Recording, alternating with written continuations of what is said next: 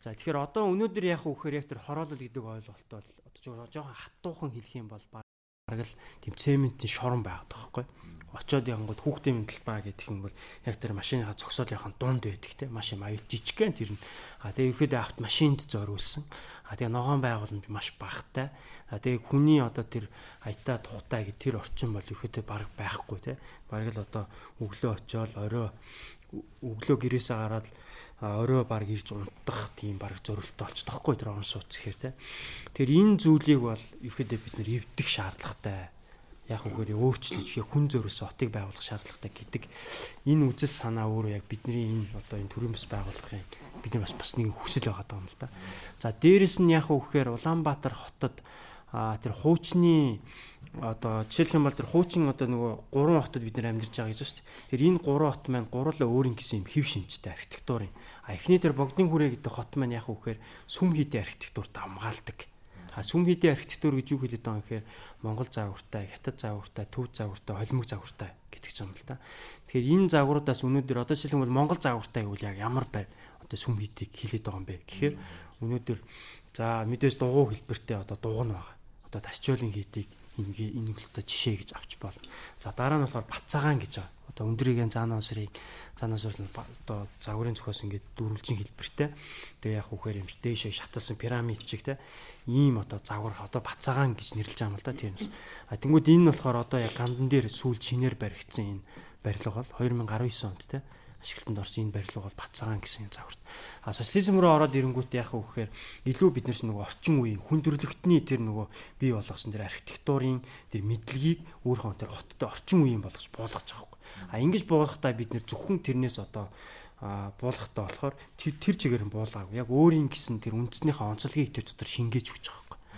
А тэгэхэд эхний үедээ яах вэ гэхээр ихэнхдээ модерн загвар дамгаалж ирсэн. А тэгээд яах вэ гэхээр социализм үеийн яг дунд үед болохоор 45-аас 1961 он хүртэл ерөөдөө одоо тийм неоклассицизм үеийн барилгад одоо урталтаа багантай. Өөрөөр хэлбэл бид нэр 2500 жилийн түүхтэй одоо тэр классик загвартай тий тэр барилгуудыг орсоор дамжуул оруулаад байгаа. А тэгвэл энэ загваруудад бид нэр юу хийж өгсөн бэ гэхээр одоо драмын театр гэдэг чинь л одоо тэр дээдлийнх нь ордер буюу капитал гэж ярьдаг тий багныхын тэр дээдлэлт нь болохоор морнитлогыг өгч байгаа. Дэлхийн хаач байхгүй. Зөвхөн Улаанбаатар хотод драмын театрс л үзэх боломжтой. Тийм одоо тэр архитектурын тэр хэв шинжит нь өөрсдийнхөө үндэснийхээ онцлог тэр элементийг тусгай хийгээ байгаа юм. Тэг одоо бид нэг монголчлно гэж ярьдэн шүү дээ. Яг тэрнтэй адилхан. Тэгэхээр энэ үед нөгөө би бас түрүүнд урьдсан социалист агуулгатай үндэсний хэлбэртэй барилга барина гэдэг чинь энийг хэлээд байгаа. Тэгээ байгалийн түүхийн хүмүүс одоо сайн нураадаг барилга, санхүү үдийн тэгээ сургуулийн барилга, драм, дүүр, за хөрөнгийн бирж, алтаач буудлага, дотын захиргааны байр гэдэг ч юм те. Тэг ингээд ерөөдөө юм неоклассицизмын загвартай барилгад одоо нэг 15 6 байдаг Улаанбаатарт те. За хотын төвийг төрсэн юм барилгууд нь болохоор ийм ансамбл болдог байхгүй. Тэг нэг юм архитектурын чуулга болдог юм маш үнцэнтэй юм барилгууд байгаа байхгүй. Тэгэхээр ийм ийм зүйлүүдийг л ерөөхдөө социализмд үлдээсэн. А дараа нь болохоор яг үхээр 1900 ерөөдөө яг 54 онд Улаанбаатарт анхны төлгөө бий болоод тэгээ 54 оны 50 оны яг сүүл үед Монголд яг неоклассицизм дуусаад хамгийн сүүлийнх нь барилга нь драмын театр гэхгүй 1961 онд баригдсан. А тэгвэл яг энэ дуусах үедээ нь яг үхээр модернизмын одоо ийм барилгууд баригдчихсан байхгүй. А тэгмүүд яг дэлхийд яг үхээр модернизм дуусчихад Монголд одоо тэр яг тэр төгсгөлийн үедээр Монгол тэр модернизмын чиглэлийн барилгууд баригдаж эхэлсэн байхгүй. А тэр нь болохоор одоо юу вэ гэхээр уртцааны барилга. За тэгээ одоо Улаанбаатар жиш буудал гэдэг ч юм те ийм одоо хид хид ийм барилгууд байгаа. Тэгээ одоо чи эднэрт бас бүгдэнд нь үндснийхаа бас тэр хэв шинж тусагдсан байгаа байхгүй. Одоо жишээлх юм сая уцааныг ярьсан те одоо сүм хийдийн юу тусгасан байна. А тэнгууд Улаанбаатар жиш буудалд яг бас тийм байхгүй. Хүмүүс ингээ харахаар оо Улаанбаатар нэг юм жиш буудлын дөрвөлжин хэлбэртэй л шаардаг. Гэтэл бид нар ингээ сайн анзаарах юм бол ингээ дээвэр нь ингээ жоох ингэсэн ч юм уу те эсвэл ингээл хуваалттай ч юм уу те тэр юу юм тийм. А дээр нь болохоор бас 1980-ад оны үед 80-ад онд баригдсан одоо буйн тухай одоо Чингис хаан жишд бодол болсон тий тэр барилсан бас яг энэ сүм хийдийн загвараа баригдсан баг ч тий. Чингис хаан одоо сонгосны бодлын барилга тий. Тэр гих мэтэр яг ингээд яг угаар социализм үед ерөөдөө нэг юм өөр ингэсэн өнгө дөрхтөө тий. Үндэсний одоо бид нар чинь тусгаар технологи ингээд сэргээчихэж байгаа шүү дээ. А тэнгуүдсэн үндэсний гэсэн хев шинжийг тэндээ агуулж байгаа. А гэтэл 90 оноос хойш бидний байгуулж байгаа одоо энэ Шилэн Улаанбаатар хотод тийм байна үхэр байхгүй. Одоо бүхэн өргөл авахгүй. За дугуй байгуулсан. Тэг яг Монгол гэрэл бид тэр тэгээд шүү дээ тий. Монгол гэрээ байшин болгоцсон гэж яриад шүү дээ. Гэтэл яг яах вэ гэхээр яг юм нэгдүгээрт бол ансамбл гэж байхгүй байна. Хоёрдугаарт яг бидний энэ одоо энэ энэ шин энэ Улаанбаатар хотын Монгол хүн зориулсан яг бидний орчин үеийн бас нэг юм орон зайн шийдэл байх хэрэгтэй шүү дээ. Хүн зориулсан. А тэр юм байхгүй байгаа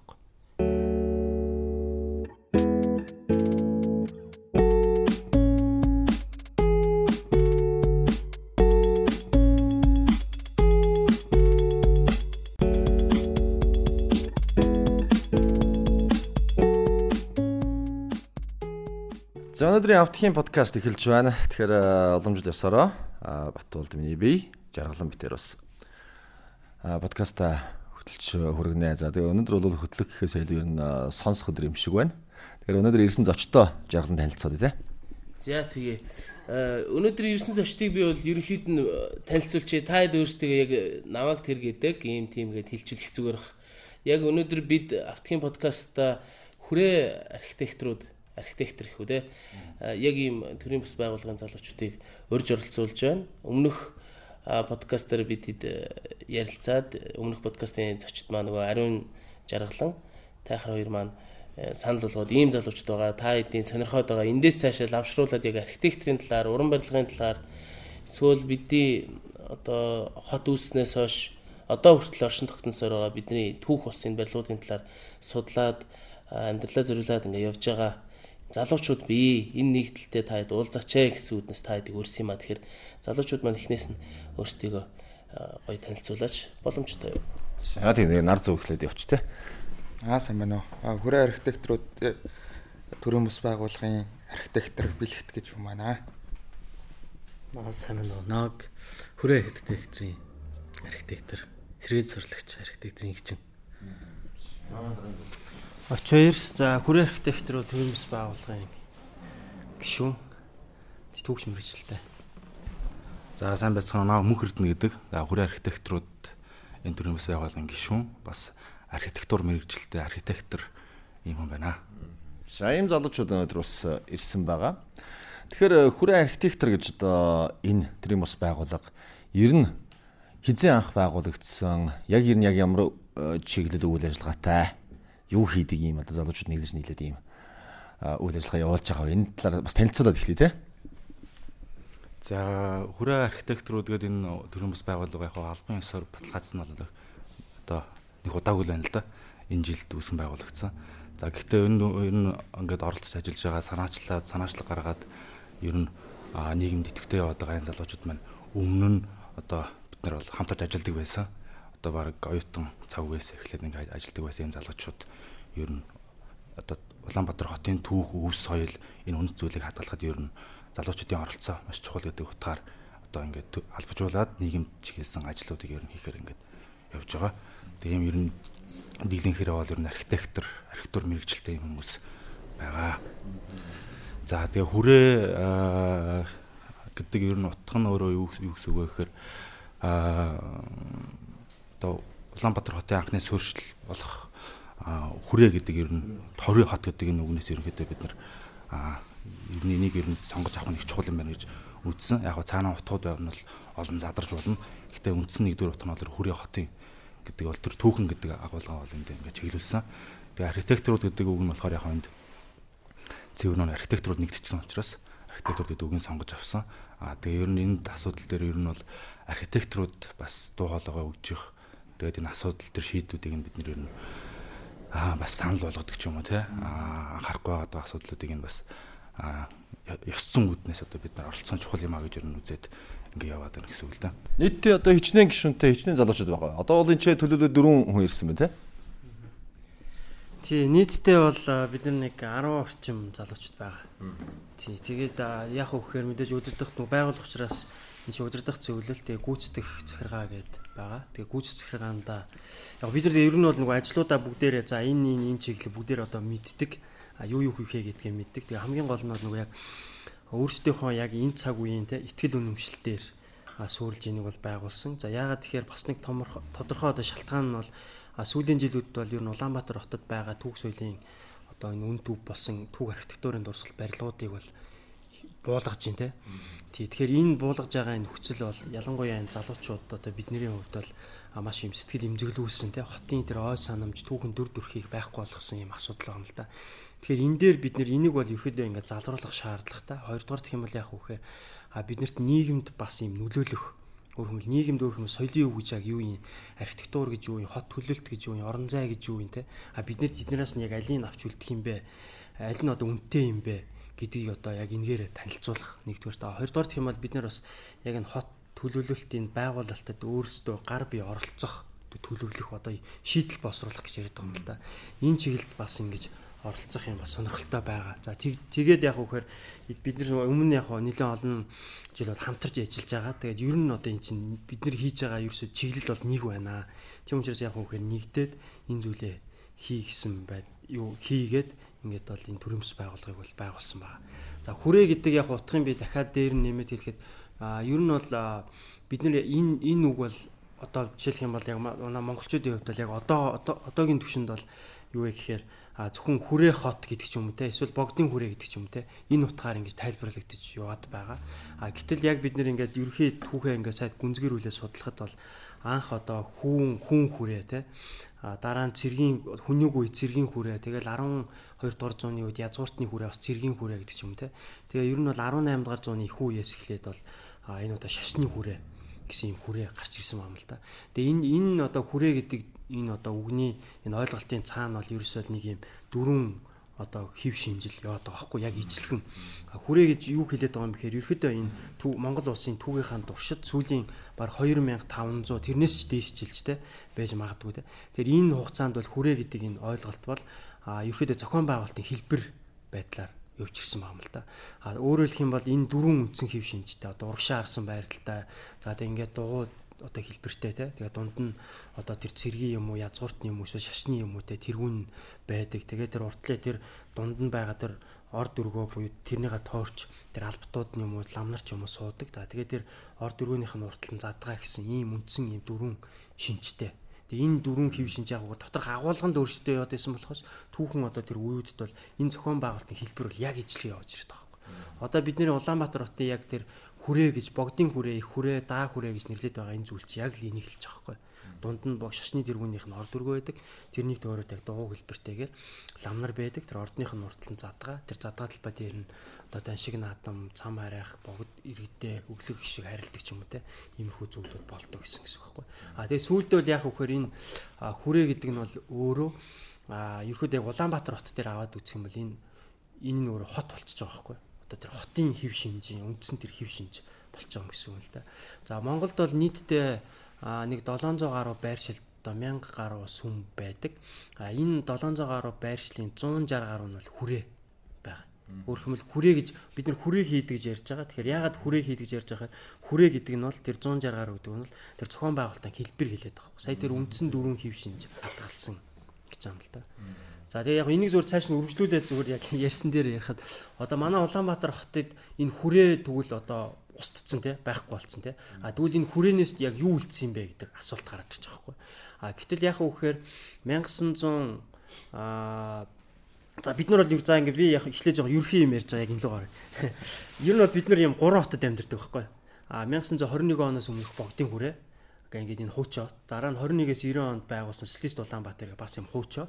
А дараа нь 1990 оноос хойш одоо байгуулж байгаа бидний бодлоо тий чөлөөт эдийн засагтай тий. Тэр энэ яг үхээр яг би жоо яажлаа шилэн Улаанбаатар гэдэг юм. Тэр ийм гурван хотод байгаа. Тэгэхээр энэ гурван хотын яг үхээр эхний хоёр нь болохоор хуучаа хот болчихж байгаа байхгүй одоо бидний энэ хувьд. Одоо бид шинэ хотыг байгуулж байгаа учраас. За тэгэнгүүт яг үхээр энэ хуучин хот маань бол хаана байна гэдэг асуулт гарч ирж байгаа А гэтэл яг үхээр тэр 21 оноос өмнөх богдын хүрээ гэдэг хотыг чинь бид нэр тэр чигт устгацсан байхгүй. А дараа нь болохоор социалист Улаанбаатар хотын тэр хуучин хот гэдэг социалист Улаанбаатар гэдэг тэр чинь өнөөдөр бид нар буулгаж байгаа. А яаж буулгаж байгаа юм бэ гэхээр шин Улаанбаатар хотыг энэ байгуулах үйл явц нь өөрөө энэ хуучин социалист Улаанбаатар хотоо буулгах үйл явц болчихж байгаа байхгүй. Эхний 10 жилд нь одоо та нар бүгдээрээ мэдж байгаа хотын төвийн хэсгийн сул орон зай тий хүн зөрөөс орон зайнууд дээр шилэн өндөр барилгууд баригдаад а сүүлийнх нь 10 жилд нь яасан бэ гэхэд тэд нэр буулгаад одоо хамгийн сүүлдэх жил 2019 онд дөрвөн одоо социализм үеийн хамгийн оргил усан архитектурын дурсгалыг буулганы зарлаа нэг нь бол бүр буулгацсан байгаа тий Тий. Тэгэхээр энэ ингээд тасралтгүй ингээд үргэлжлээд бид нар яг үхээр өнөөдөр яг уг нь бол яг үхээр хуучин хот шинэ хот гэж Улаанбаатарт яригдах хэвэл та. Гэтэл яг үхээр хуучин хотынхон дээр шинэ хотыг байгуулчихаар шинэ хотыг байгуулж байгаа үйл явц маань яг үхээр хуучин хотоо болох үйл явц болч ийм харамслаа үйл явц өрнөж байгаа байхгүй. Одоо магадгүй яг энэ үйл явц яг энэ ирчээр явах юм бол бид нар 10 юм уу 20 жилийн дараа Социалист Улаанбаатар гэсэн хот ерөөс ерөөс тэр жигтэй байхгүй болно гэсэн үг байхгүй. Тэндээс ерөөсөө хитгэн дурсгал үлдэнэ гэсэн үг байхгүй. А тэр хуучин богдын хүрээний үеэс болохоор яг үхээр одоо 25 дурсгал үлдсэн баг. Улаанбаатар хотод. А социалист Улаанбаатартаас яг нэлийн юм бол байгаа. За тэгээд тэр хүрээний эргээд одоо яг тэр хүрээг одоо бид ярих гэдэг байна шүү дээ. Тэгээд тэр хүрээ яагаад одоо хүрээ одоо хүрээнээс юу үлдсэн бэ гэхээр а одоо бидний бах төөрөө байгаа те. Тэр яг хуучин тэр хүрээг буулгангуудаа социализм үед а бах төөрөө гэдэг зүйлийг бол хот төлөлтөө бий болгосон хэлбэрийг хотын одоо тэр зохион байгуулалтын хэлбэр. Тэнгүүд яг үхээр энэ өөр яг хүрээний зохион байгуулалт байхгүй. Яг үхээр дугуй хэлбэртэй дунд нь шний тэргүүн орд үргэ байдаг гэсэн бол төрийн ордон буюу хууч нар бол засгийн газрын ордон те. Тэгээ уртлынхын ингээ хоёр гудамжаар цаглаа задгаа байдаг. А тэгээ хуучин тэр задгаа тэр талбайд нь бол богдын хүрээний үед бол гурван үйл явдал болдог гэж өмнө гисэн те. Даншиг наадан болдог, наадан болдог гэсэн. А тэнгууд яг үхээр тэр хоёр гудамжаар заагсны чинь уртлын гэсэн тэр ногоон бүс болгоод туулгалт хүртэлтэй. Тэгээд тэр тэн дотор болохоор хүүхдийн парк гэдэг тийм соёл амралтын хүрээлэн байгуулаад тэгээ тэрнийхээ яг уртлынхаа хэсэгт болохоор төв зингэлт хүрээлэн байгуулсан байхгүй. Тэгэхээр эн чинь яг үгээр хуучны тэр хүрээний зохион хэдийгээр хүрээгээ буулгасан ч гэсэн яг тэр зохион байгуулалтын хэлбэрийг хотынхон орчин үеийн одоо хот төлөлттэй ингээд тэр зэгт нь буулгасан байхгүй. Тэгэхээр эндээс яг юу хэлэх гээд байгаа юм гэхээр ер нь өнөөдөр Улаанбаатар хотын одоо хот төлөлтийнх нь амин сүнс нь юу вэ гэхээр ерөөсөө багтуур байгаа. Эндээс бол харж байгаад яг нэг буулгана гэж бас нэг арай зөөлж хэлээд байна л да. Яг нэг гэсэнд бол бас л устгаж байгаа л нийлбэр л да тий. Боолгож устгаж байна шалгаа. Тэгэхээр юу үйл ажиллагааны чиглэл зорилгын тухай сая ярьлаа. Тэгэл байгууллагын одоо төрөмс байгууллагын лого энэ ч гэсэн саяны тэр хүрээ гэдэгтээ ялчууд авцаад ингээ явж байгаа. Аа одоо маш олон их олон урт удаан жилийн түүхтэй учраас хаанаас нь яаж асуухаа би бол өстой мэдэхгүй байна. Бараг л нэг юм хэлээл бараг үргэлжлүүлээ яриулчмаар л тийм сайхан мэдээллүүдийг залуучуудаас авж байна. Эндээсээ цөмөрөө яг сая ийм юм ярьцных цөмөрөө яг гоё эртний сайхан барилгуудын тухай ярьчул яадаг юм. Тэр барилга чи ийм учиртай шүү дээ. Эн чин тийм шүү дээ. Гэт өмнө нь яг уу та ямар нэгэн нэвтрүүлгээр ч юм уу подкастаар ч юм уу ороод юм ярьж лээсэн баг. Тэрнээс арай өөр мэдээллүүдийг хүргүүл тэрийг ийм учраас хайрлах хэвээр. Тэр барилгыг ийм учраас гамнах хэвээр гэж нөгөөдгөр бас сая нөгөө 25 ширхэг дурсгал байгаа гэдэг чинь тий богдын хүрээнээс үлдсэн. Тэр 25 дурсгалыг яг нэр цохоод илүү жишээ нь Чойжин лавын музей, богд тааны зуны ордон одоо гэр музейч байдаг юм тий. Тэгэл яриад явах л бах л та. Эннээс өмнө сая подкаст эхлэхээс өмнө нэг барилга гуруулаа утсан дээр хараад. Зогсож байсан шүү дээ. Тэр барилгыг одоо яагаад гоё гэж байна? Яагаад тэр одоо дурсгал байх хэвээр энэ талаар мөхөд нь манайх яриач. Төхөө. За. За яг Улаанбаатар хотын хувьд тэгэхээр одоо бид нар бол 10 сарын 29-нд бол Улаанбаатар хотын 300 хэдэн жилийн ой жил болгон тэмдэглэдэг те.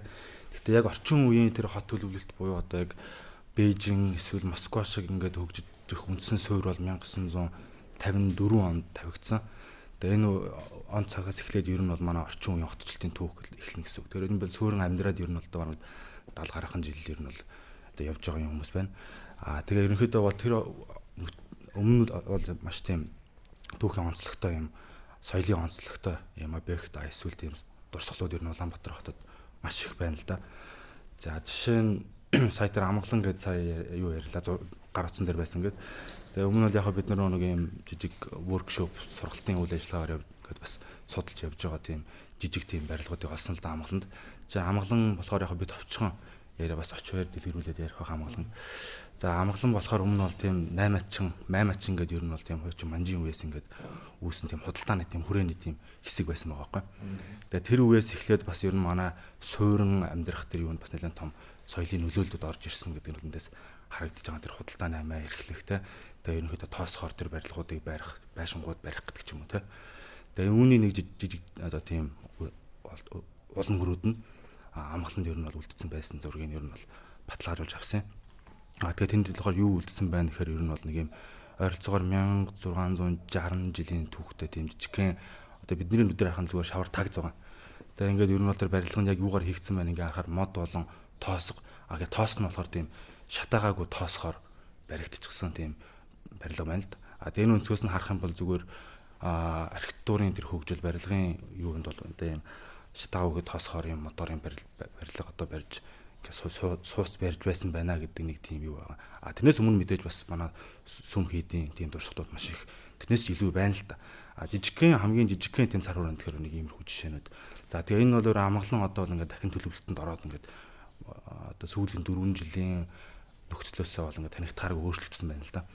Тэгээ энэ өөрөө дахин төлөвлөлтийнхаа хийж байгаа сайн боловч нөгөө талаараа бас тэр түүхийн уул мөрийг балартуулаад одоо дараагийн үе гэхэд тэр тийм байсан гэдгийг мэдэх тийм түүхийг бол номноос унших байгаа байхгүй. Жишээ нь номтын бүс, дайчин хүүгийн бүс гэдэг ер нь бол тийм маш тоо бүсүүд худалдааны том төвүүд байсан байх жишээ нэ. Тэгээд Жанжин Сүхбаатарын бас түүхтэй холбогдно. Гэх мэтчлэн одоо ер нь бол тэр контекст, хот төлөвтийн тэр контекст онцлог талаасаа бол маш онцлогтой газар байна л. Тэгэхээр одоо энэ дэр бид нэр дахин төлөвлөлт ч юм уу те хот байгуулалт, хот төлөвлөлтийн талаасаа бол бид нэр онцлогтой газрынхаа түүхийг шингээж хадгалж авч үлдэхийг авч үлдээд ингээ явахгүй одоо л ерөөсө бүгдийг ингээл арчаал бүгдийг нь шууд одоо гэр хорооллыг бол гэр суушлыг бол орон сууцч болж өндөр орон сууц барих нь ер нь бол одоогийн өнцгөөс хамгийн зөв шийдэл болчиход байна л да. Гэхдээ энэ дэр бас тэр бодлогын юм дэр бас анхаарах юмуд бас байх шиг байна гэж бид нар бас үзэж байгаа. Архитектурт бас энэ дэр бас санал нэгтэй байгаа. Тэгээ амгалангийн түүхтэй бол манай очоо бас дэлгэрүүлээд ярих байна. Ер нь яг нь сая ярьж байна л да номноос л үзнэ гэдээ яриад шүү дээ. Магадгүй хэрвээ ингээл бүх юмуд устгаад ингээд одоо буулгаад гэж яриад байгаа. Их зөөлж яриад байгаа. Би бол устгаад гэж яриад байгаа. Тэгээд номноос л үзэх бол бид нар ч гэсэн одоо хөөхд багтаа жидг юм уу эмээгээс энд ийм байсан. Тийм байсан. Сурах хүчгээр одоо ингэдэг тэгдэг тийм байсан гэж л одоо үзэж өссөн. Одоо биднээс хувьд ч гэсэн өнөөдөр одоо үзэж нүдээр үзэж байгаа гараар барьж байгаа зүйлээ дараа нь одоо өөр хүүхдээ ач хүсч 30 та бас баг тэгж ярих л зүйлтэй бас тулгарх юм л тэ. Тий, энэ ийм байсан. Хайч юу гэдэг шиг. Би оо сүми дээр хэлэр чинь одоо одоо л Яг ер нь одоо Улаанбаатар тэр богдын хүрээний богдын хүрээний үеийн тэр одоо дурсгалт нэг 20 хэдэн барилга байна гэж. За социалист нийгмийн гэж түрүү ярьж шүү дээ, тэ. Ерөнхийдөө одоо ингээд шинэ одоо Улаанбаатар байгуулагдж байгаа тэр нэгснэ дээр нь бариад байна л гэж яриад байгаа шүү дээ. Аа, эртэл биднээс бас ярьжсэн л да. Хуучных шиг ийм яг одоо юм одоо баг тороож гэдэг юм уртцааны годомч шиг гэдэг юм уу яг ингээд хүн ороход яг тэр хуучны социалист нийгэм рүү ордог шиг тийм атмосферыг үзүүлдэг тийм одоо дүүрэгч гэдэг юм уу те эсвэл одоо хотоос гаргаад бас тийм тусдаа юм бариул яадаг юм бэ гэд зүгээр санал ярьжсэн байхгүй. Тэгэхээр тэр одоо юу байхгүй ч гэдэг юм уу эсвэл яг ингээд баг тороод явж байхад гинт нэг өндөр шилэн байрлал гараад ирдэг. Тэгэхээр мэдээж тэр нэг атмосфер бас байхгүй болдог ч гэдэг юм уу гэдэг ингээд ингээд янз бүр юм ярьжсэн л да. Магад наадэрч болохоор ингээд байгаа юм л да. Одоо яг манад яг гоо ингээд шинэ шилэн барилга энэ төр барьж болно те өндөр барилга барихын үед барьж болж байгаа байхгүй. Гэхдээ одоо яг нэг сүмийдийн архитектур яг уламжилт архитектур ч юм уу социализмын үед ч гэсэн одоо жишээнд бид нар барилга хийхдээ одоо жишээ нэгэд юуны уламжилт төв маягийг тусгасан те тиймэрхүү барилгыг завгартай ер нь барьдаг байсан байгаа байхгүй. Тэгээд тэр яг тэр уламжлал нь тасраад тэгээ ингээд одоо баригдж байгаа шинэ юм барилгууд болохоор яг түүхэн дурсгалд орж чадах уу тий. Одоо энэ улсын юм барьж байгаа одоо тэр Чингис хааны музей тий тэр нэг урд байгалийн түүхийн музей энэ төргээд яг түүхэн дурсгалттай тийм байж чадахгүй байгаа байхгүй. Тэгэхээр бас нэм нэг шүүмжлэлтэй асуудлууд байгаад байгаа. Тэгээд одоо нөгөө нэг юу гэдэг одоо талбай уртлын нөгөө нэг юм юу таун даун таун байгаа шүү дээ. Тэр чинь бол тэр ингээд яг ногоон байгууламж байх зориулттай газар ингээд байшин хуу зөндөрлүүлсэн тий. Ингээд талбайгаас уршаанагаа шууд богдуул ингээд хардаг юм ногоон зурцтай юм газар ч юм уу. Тэгээд ингээд харангууд одоо талбай хажуудлаар ч ингээд бахан өндөр өндөр барилгууд баригдсан тий. Тэнгүүд ингээд талбай нь ингээд өдөр их тусам ингээд жижигрэл ингээд харьцаагаар ингээд жижигрэл байгаа байхгүй. Тэгээ социализмын үеийн тэр нөгөө нэг одоо төрийн орд ингээд харангууд чинь одоо ойр орчмын барилгууд одоо драмын театр хүртэл амар нүсэр юм том тий харагддаг. Төрийн ордон гэдэг юм бүрийн яг ингээд хүнд ингээд төрийн ордон гэдэг сэтгэл тэгээ төр байдаг шүү гэдэг сэтгэлийг ингээд төрөл хэмжээний тийм байсан байхгүй. Тэгэхээр тэнгуүч чи одоо очоо ангууд чинь тэгэл ордоо аим ус ойрлогтой амир те дуулдаг ус байж. бичэр те. Төрийн ордныхоо давхрын нэмэх хэдүүлээ. А энэ дээр нэмээд яхад бас сая одоо манай түүх архитектурын түүх гэдэг ингээ яхан бол баг хүнийг өс хүртэл бас ерөнхийдөө бол улам мөрөд гарч болохоор хот байгуулалтын түүх гэх ярих юм бол а тэн дээр болохоор биднэрт яг тийм судалдаг судлаач нас ирсэнгүй лээ тэр юу ярьж болох үз. А тэгээд өнөөдрийн бидний онцлогод яриад байгаа хэсэг бол ерөнхийдөө бол социалист бүтээн байгуулалт тэрнтэй холбогдсон хүрээг л яриад байна тийм. Тэрнээс өмнө бас ерөнхийдөө бол судалж үзэх юм бол маш их мэдээлэлүүд гарч ирнэ. А Харамсалтай бас их тэр судлаг хүн бас өнөөдөр ирсэнгөө. За тэгээ буцаа тэр социализмын үр ингээ харах юм бол тэр сая инхчин архитектурын тэр талбай нөхцөл төр ингээ ярих юм бол сонирхолтой зүйлүүд тэр хүрээний үетэй холбогдохоор байгаа байхгүй. Жишээ нь одоо гандангаас а талбай хүртэлхийн хөдөлгөөн гэдэг ч юм уу те. За энэ дээр жишээ нь яг юу байна гэхээр ган одоо тэр хуучин хүрээний төв бол одоо Сүхбаатарын талбайн хойхон талд байрлаж байсан байдаг. А тэгээд тэрнээс ерөнхийдөө бол тэр хүрээний үеэс тэр төвийн хэсгээс нь гандан хүртэх тийм маш том хөдөлгөөн байсан байгаа юм л да. Жишээ нь тэр ингээд шашны төврөөс одоо тийм застрын төв рүү ингээд ер нь бол чиглэсэн маш том хөдөлгөөн коридор. За энэ дэр бол ингээд сарын пүүсүүд байрлалчихсан амбалангаас одоо тэр бараа бүтээгдэхүүнээ ингээд дам нурдж авчираад ингээд тийм зардаг тийм пүүсүүд ингээд гарчихсан. Одоо тэрний уул мөрүүд нь гэхээр яг юунууд байна гэхээр шар дэлгүүр за тэгээд урцгааны барилга за тэгээд урцгааны барилгын гэдэг маань өөрөө бас өмнө түүхэн нөхцөл бас байсан. Тэгээд тэрний үндсэн дээр урцгаан бий болсон. Тэгээд цааш зан хуцрын одоо музей байгаад байгаа тэр хэсэг гэдэг ч юм уу тэр ингээд маш одоо харах юм бол талбайгаас гандан хүртэлтэй тэнхлэг та нар одоо дүрслэгдэж байгаа хэлт. Энэ тэнхлэг хүртэл одоо манад одоо тэр түүхэн талаас хадгалаад үлдсэн үлдсэн байгаа. Тэгээ энэ годомжийн түүх гэрч ойролцоогоор 200 гаруй жилийн түүх болчихж байгаа юм л да. За дээрэс нь дахиад тэр талбайтай бас дахиад холбохоор тэр 1954 оныхоо төлөвлөлтөөр тэр Кипрогор гэдэг нэртэй институтэд одоо манай тэр а хотын төлөвлөлтийг анх гаргасан байгаа юм л да. Тэгээ яг Монгол архитектурууд тэнд саналаа өгөөд тэгээ тэр Монгол архитектур гэхээр юу гэж Монголын анхдагч архитектур болохдоо тэр Чимэд Дамбиним гэдэг энэ архитектурууд ингээ бүгд саналаа өгсөн байгаа. Тэгээ тэн дээр болохоор юу хийсэн бэр Сүхбаатарын талбай бол ерөөсөө ингээд орон зайн төв болчихно. Тэгээ урт талд нь богд уултай. Тэгээ ерөөсөө тэр одоо танаа өхөн санах юм бол одоо Шангирал руу явсан нөгөө нэг юм гудамж тэгээд Чингисийн өргөнжлөлийн их таймл болсон гэдэг юм гурвалжин гарч байгаа байхгүй. Энэ гурвалжин бол талбайн төв цэгээс ингээ харахад урагшаа харахад ерөөсөө уул харагдана. Тэр хоёрын голд нь холбосон зүйл нь болохоор парк гэсэн ногоон байгууламж.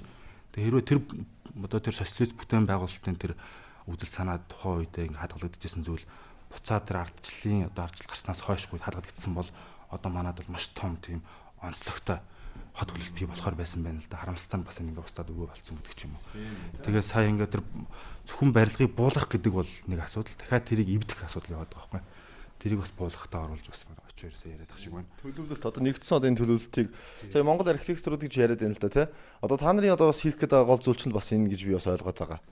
Тэр түрүү ярьж байгаа социалист нэг юм одоо яг талбай урталт ийм цэцэрлэг төрөлн байдаг ийм байх хэвээр ногоон байгууламж байх хэвээр ер нь төлөвлөлтөөрөө бол одоо хуучны тэр хүрээ хэлбэрийг бол баг тойрогоор авч үлдсэн ч гэдэг юм уу? Энэ бол тэр санаагаа нэгсэндээ үлдээгээд нь шүү дээ. Хичнээн шинэ хот шинэ барилга байгуулж байгаа ч гэсэн санаа ерөхийн нөгөө санаа төлөвлөлт бол байгаад Одоо бол яг тийм байхгүй ч байгаа шүү дээ. Нэгсэндээ шууд хаа мөг газар олцсонд бол бариад бариад бариад явчихдаг. Сайн нөгөө нэг атмосфер гэдэг өөр нэг ярьжсэн тий. Жишээ нь одоо яг энэ бол тэр атмосфертэй холбогдож болохоор байхгүй. Сайн ингээд жишээ дуртал бол хоёрын юм дурдж болж байна л да. Тэгээд цааш нь ингээд аа одоо сүм хийдтэй холбоотой тэр маш олон барилгууд байна. Хойшоогоо урагшаага гэх тий.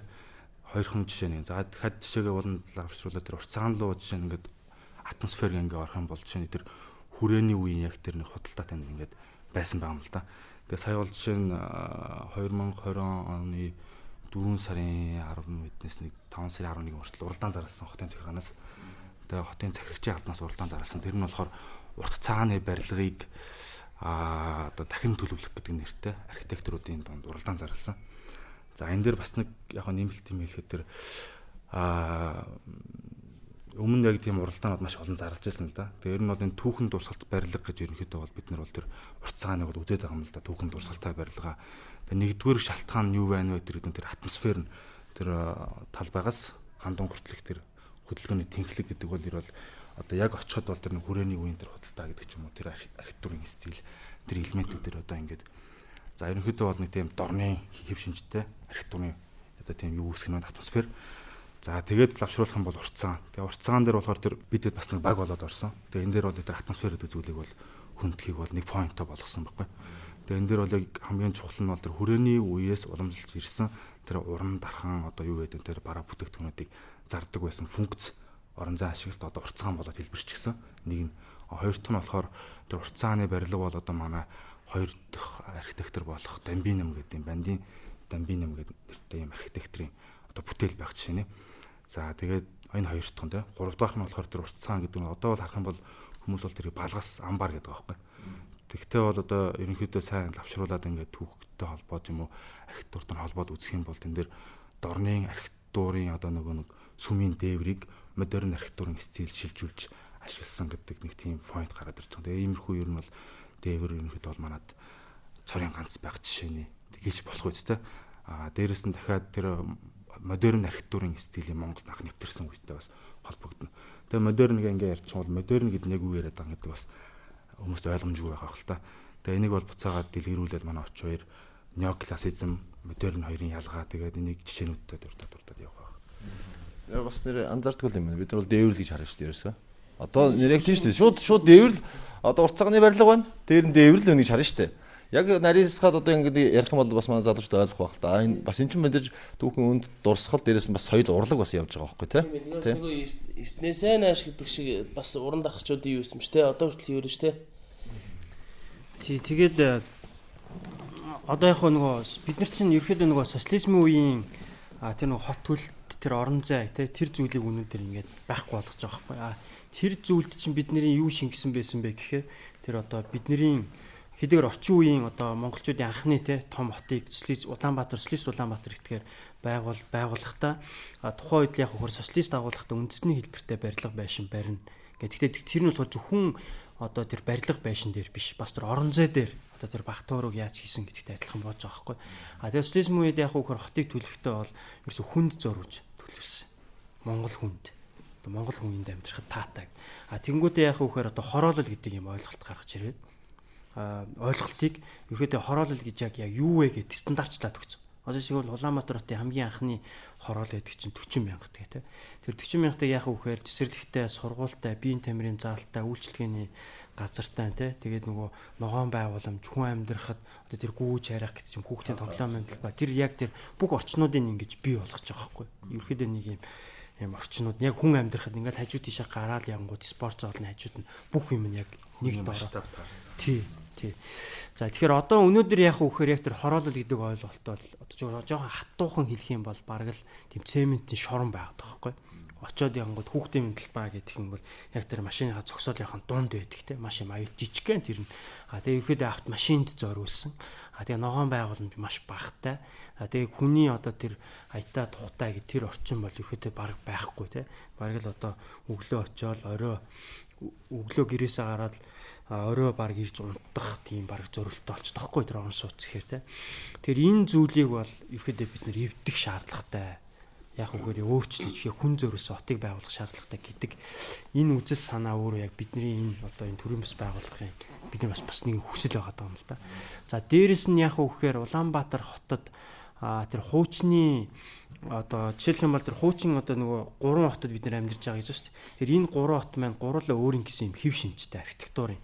А эхний тэр богдын хүрээ гэдэг хот маань яг үхээр сүм хийдийн архитектурт хамгаалдаг. А сүм хийдийн архитектур гэж юу хэлээд байгаа юм гэхээр Монгол загвартай, Хятад загвартай, Төв загвартай, Холимог загвартай гэдэг юм л да. Тэгэхээр энэ загваруудаас өнөөдөр одоо бол Монгол загвартай гэвэл яг ямар байр одоо сүм хийдийг хэлээд байгаа юм бэ гэхээр өнөөдөр за мэдээж дугуй хэлбэртэй одоо дугуй нь байгаа. Одоо тасчоолын хийдийг ингээ энэ хөлтөд жишээ гэж авч болно. За дараа нь болохоор Бацаагаан гэж байгаа. Одоо өндрийн заанаа срыг заанаа срыг одоо загварын цохоос ингээ дөрвөлжин хэлбэртэй. Тэгээ яг үхээр юм чи дээшээ шаталсан пирамид чиг те. Ийм одоо загвар одоо Бацаагаан гэж нэрлэж байгаа юм л да тийм юм. А тэнгууд энэ нь болохоор одоо яг гандан дээр сүүл чинээр баригдсан энэ барилга бол 2019 онд те ашиглалтанд орсон энэ барилга бол Бацаагаан гэсэн загварт. А социализм руу ороод ирэнгүүт яах вэ гэхээр илүү бид нар нөгөө орчин үеийн хүндрэлтний тэр нөгөө бий болгосон тэр архитектурын тэр мэдлэгийг өөрийнхөө тэр хоттой орчин үеийн болгож буулгаж байгаа юм. А ингэж буулгахдаа бид нэр зөвхөн тэрнээс одоо а буулгахтаа болохоор тэр тэр чигээр нь буулгаагүй. Яг өөрийн гэсэн тэр үндснийхээ онцлогийг тэр дотор шингээж өгч байгаа юм. А тэгэхэд эхний үедээ яах вэ гэхээр ихэнхдээ модерн загвар дамгаалж ирсэн. А тэгээд яах вэ гэхээр социализм үеийн яг дунд үед болохоор 45-аас 1961 он хүртэл ерөөдөө одоо тийм неоклассицизм үеийн барилгад одоо урталтаа багантай.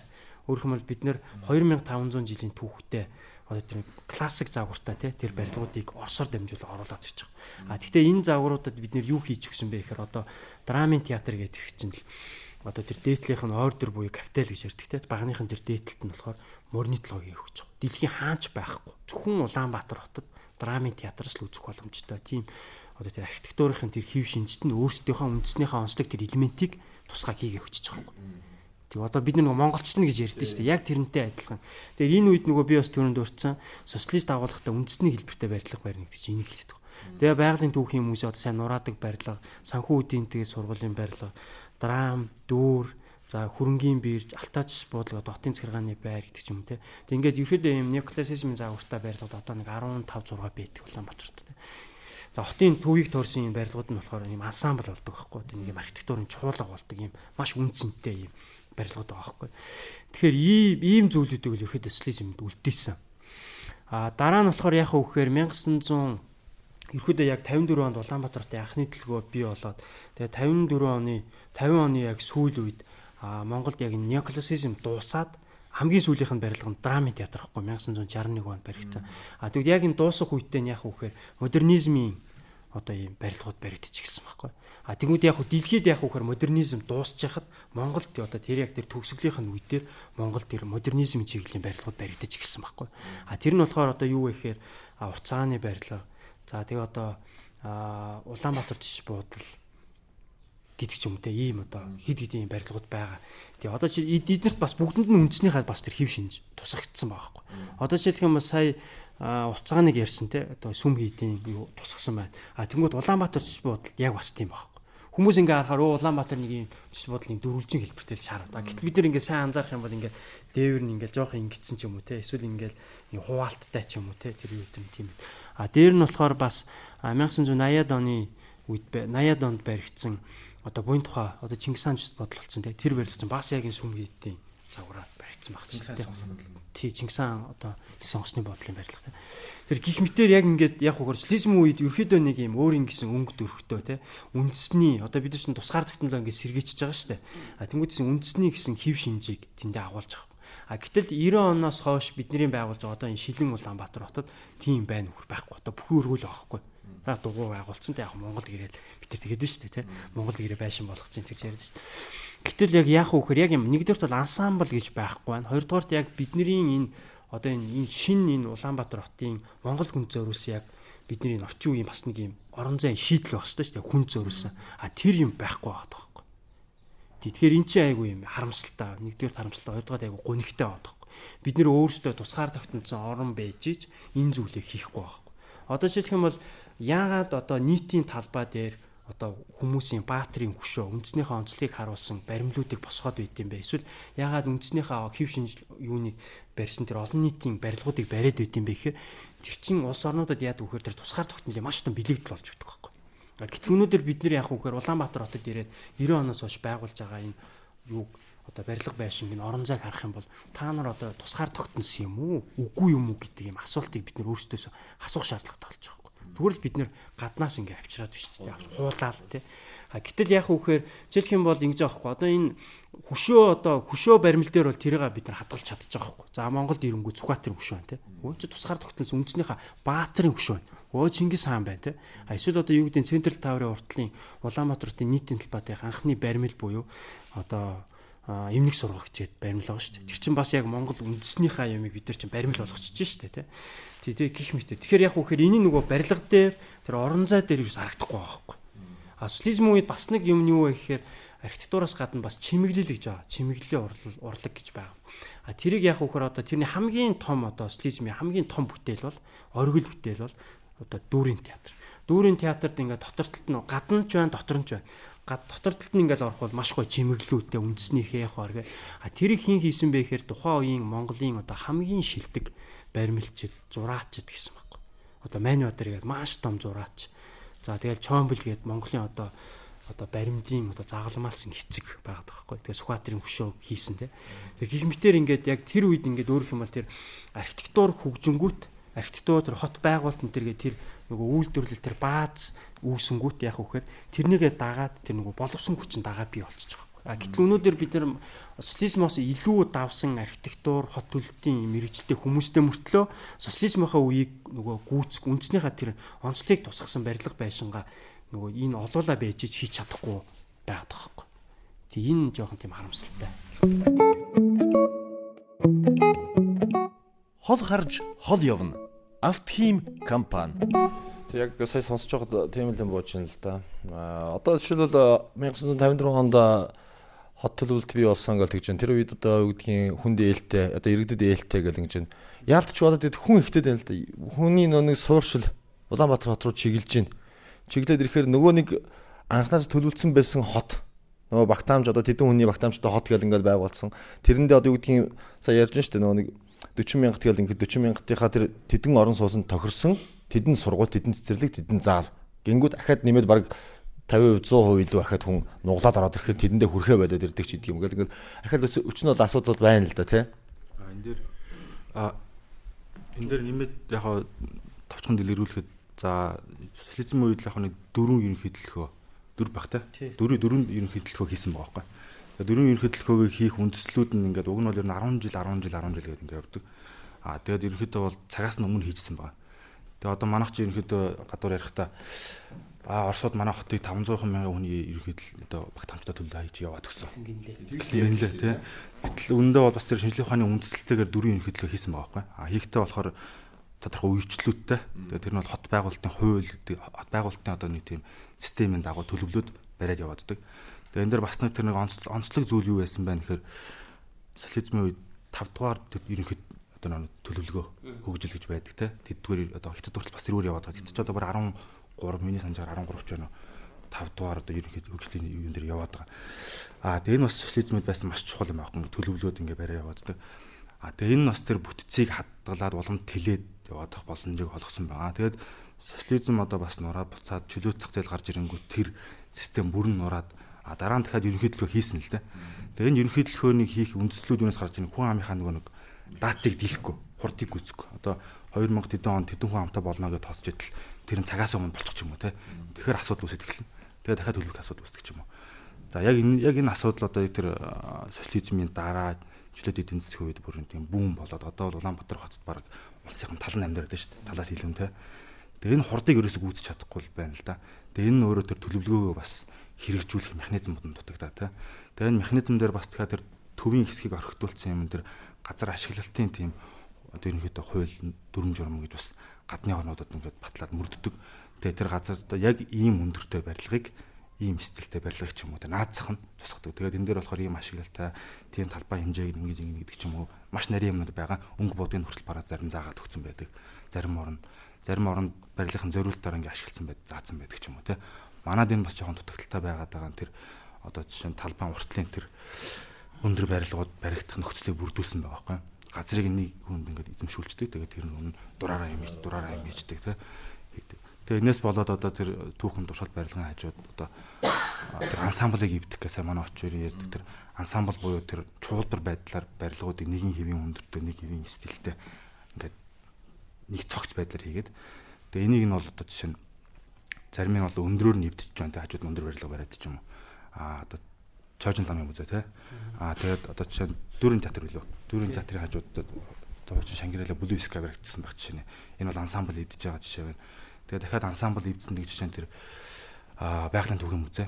Тэгээд байгалийн түүхэн музей дээр бол сая очиорын ярьдаг тэр нео классик буюу шинэ классик буюу одоо тэр грек ромын үеэс уламжилж ирсэн тэр архитектурын стилийг 18 дугаар зуунд шинэ одоо тэр цэрэг мандалтаар дахиж гаргаж ирээд тэгээд тэр нь Монголд нэвтрээд тэр тусгал нь одоо талбай тойрсон барилгуудад сая дурддаг 10 хэдэн барилга шиг ингээд тэрний нэг жишээ нь одоо тэр байгалийн түүхэн музей дээр шингэсэн байх жишээ нь. Тэгээ Монгол хий чимэглэлтэй. Тэгээ тэр ордер буюу баг нь маш өндөр баг нь. Тэгээ тэр баг нь одоо дээрээ капитал, доороо бейс гэсэн нэг юм бүрдлэсгүүтэй. Тэгээ бүгд яг тэр Монгол дээр нь алхам хэмээгээр ингээд чимэглэж гисэн. Тэгээ Монголын анх дахь архитекторын тийм бүтээл гэдэг утгаараа тэр ансамблаас илүү бас цаана нарийн юмнууд бас хадгалж үлдүүл бас их хүн зүгээр байсан л да. Иймэрхүү байдлаар цаанаа бол хот байгуулалтын хууль, дүрм журам гэдэг. Энэ дээр дээр нь бас нэмээд ярьж болмоор юм юу вэ гэхээр а ард иргэдийн хувьд ч юм уу те одоо энэ нэг архитектурын одоо энэ түүхэн боловсрол олгох гэдэг зүйл их чухал юм шиг байна л да. Жишээ нь хамгийн наазах нь одоо бидний тухайд ярьж болмоор юм юу вэ гэхээр архитектор архитектур гэдэг хоёр үгний ялгаа байгаад байгаа байхгүй. Тэгээ одоо архитектурч гэдээ явна. Архитекторчууд гэж явна те. Тэгээ энэ болохоор англи нэршилтээр болохоор architect architecture буюу орос руу болгонгод архитектур болчдөг. Энэ бол тэр архитектурын ухааныг мэрэгжлийг эзэмшсэн одоо мэрэгчлэн байх нь шүү дээ одоо архитектурын боловсролтой тийм хүнийг тэр ухааныг эзэмшсэн хүн л архитектор болох нь. Аа буцаа тэр одоо нөгөө нэг юу гэдэг ерөнхий мэрэгжлийнх нь нэршил бол архитектур болно те гэдэг ч юм эндээсээ эхлээд тэгээ цаашлаад одоо энэ барилга гэдгийг ерөнхийдөө бол архитектур гэдэг өнцгөөс нь харах ч юм уу те. Тэгээ тэр уртцагаан дээр бол бид нар бол яг цэвэр фасад буюу тэр нөгөө нүүр талын тэр гудамжны бүх тэр элементүүдийг хадгалж авч үлдээгээд тэр нь болохоор архитектурын нөгөө сэргээн цэцэрлэлтийн арга зүйн технологиор засдаг тийм шийдэл санал болгоод тэгээ арт талд нь бол яг тэр нөгөө сайжруулалтыг хийгээд тэгээд тэр үндсэн фасадыг нь эвдэхгүйгээр тэр ансамблыг нь эвдэхгүйгээр арт талд нь шилэн юу хийгээд материалаар тийм хоосон хорон зайг үүсгээд тэгээ ингээд ингээд яваа тэгээд яг паблик түгээсэн л дээ тэгсэн чинь хүмүүс тэрийг харахтаа бол ер нь бол балгас гэж харж байна. Наад балгасаа буулгач гэж байгаа байхгүй одоо шууд хатуухан хэлгээд. Тэгээ энэ дээр болохоор бид нар юу хийлээд байгаа гэхээр ер нь хизээч археологийн олдрууд ингээд газар доороос тийм бялгар утаа гарч ирдэг юм байна л да. Тэгээд хэрвээ тийм юм хүсэж байгаа бол сүмнэрийн дэлгүүр рүү явах хэрэгтэй ч юм уу те. Тийм шин гоё юм хүсэж байгаа сүмнэрийн дэлгүүр явах. Тэр бол ямар ч үнцэн байхгүй байхгүй. Тэр нэг иймэрхүү одоо тийм бас биднэрт тийм хотын соёл бас ер нь шаардлагатай юм байна. Тий. Тэгээд энэ дээр болохоор яг ийм л юм одоо жишээлх юм бол бид нөгөө хот төлөлтийнхөө яг энэ байгуулалтынхаа бодлогын хувьд тэр хуучин зүйлүүдэд хадгалж хамгаалж үлдэх шаардлагатай. А тэгжиж энэ хот чи өөрөө тэр амин сүнс нь тэндээ тээгдэн нэгдүгээр хоёрдугаар яг хөдөлж эдийн засгийн аялал жуулчлалын маш том юм орон зай тэнд явж гин гэсэн үг байхгүй. А тэгэнгүүт яг хөр энэ хоёр ойлголт буюу энэ хоёр орон зай хоёулаа нэг дор байцхаар а шинүүд нь одоо нөгөө шин үеийнхэн шин юм авахсэд байдаг. А гэтэл яг хөр яг нөгөө нэг мэрэгжлийнхаа үүднээс ярих юм бол тэдэрэг авч үлдэх шаардлагатай байгаад байдаг. Тэгэхээр яг хөр энэ нөгөө нэг юм сүр алдаагаа бид нэр засахгүй бол энэ ингээд цаашаа үргэлжлэх болцоод байгаа хгүй. Тэгэхээр яг үхээр энийг ингээд засахын тулд яг одоо Улаанбаатар хотод дахиад юм шин хотын төв байгуулах шаардлагатай. Нилээн бас том орон зайд те.